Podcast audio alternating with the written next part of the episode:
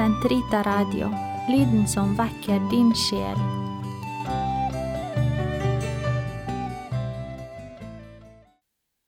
Den katolske kirkes katekisme, uke 32, onsdag 571 til 576.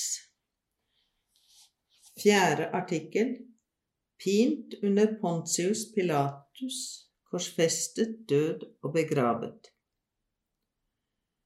Kristi påskemysterium, hans kors og oppstandelse, er selve kjernen i det glade budskap som apostlene og kirken etter dem skal forkynne for verden.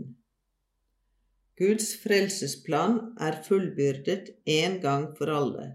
Hebreerne 9,26 ved Hans Sønns Jesu Kristi soningsdød.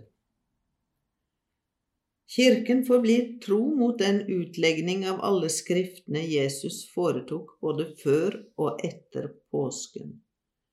Skulle ikke Messias nettopp gjennomgå alt dette, for på den måten å gå inn til sin herlighet?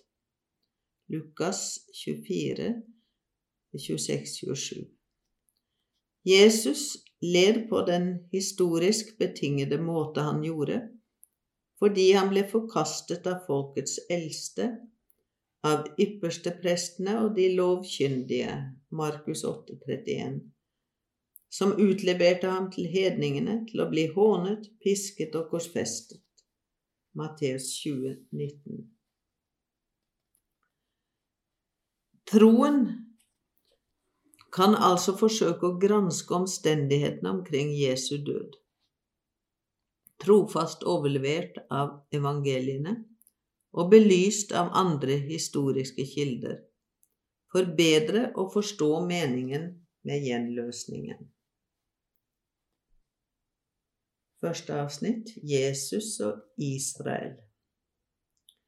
Helt fra begynnelsen på Jesu offentlige virksomhet ble en del farisere og Herodes-tilhengere sammen med prester og lovkyndige enige seg imellom å få ham ryddet av veien.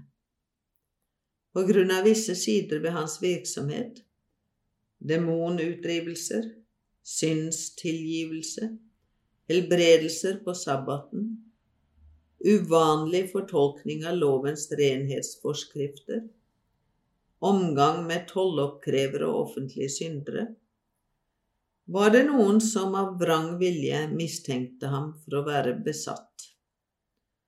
Han beskyldtes for Guds bespottelse og for å være en falsk profet, religiøse forbrytelser hvor loven forutsatte dødsstraff ved stening. Mangt og mye i det Jesus sa og gjorde, var altså et tegn det skulle stå strid om.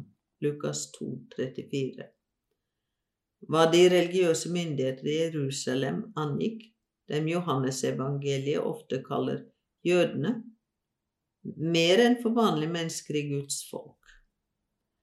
Nå var ikke hans forhold til fariseerne utelukkende av polemisk art. Det er noen fariseere som advarer ham om de farer som lurer. Jesus priser noen av dem, slik som den lovkyndige i Markus 12,34, og han spiser flere ganger hos fariseere. Jesus stadfestet de lærer som var særegne for denne religiøse eliten i gudsfolket. De dødes oppstandelse, fromhetsformer som almisse, faste og bønn, skikken å tiltale Gud som far, den sentrale stilling de tilskrev budet om kjærlighet til Gud og nesten. For mange i Israel virket det som om Jesus handlet i strid med det, med det utvalgte folks grunnpilarer. Lydighet mot samtlige av lovens skrevne bud, og for fariseernes vedkommende slik de var blitt utlagt i den muntlige tradisjon. Jerusalem-tempelets sentrale stilling som det hellige sted hvor Gud bor på en særlig måte. troen på den ene Gud, hvis herlighet intet menneske kan ha del i.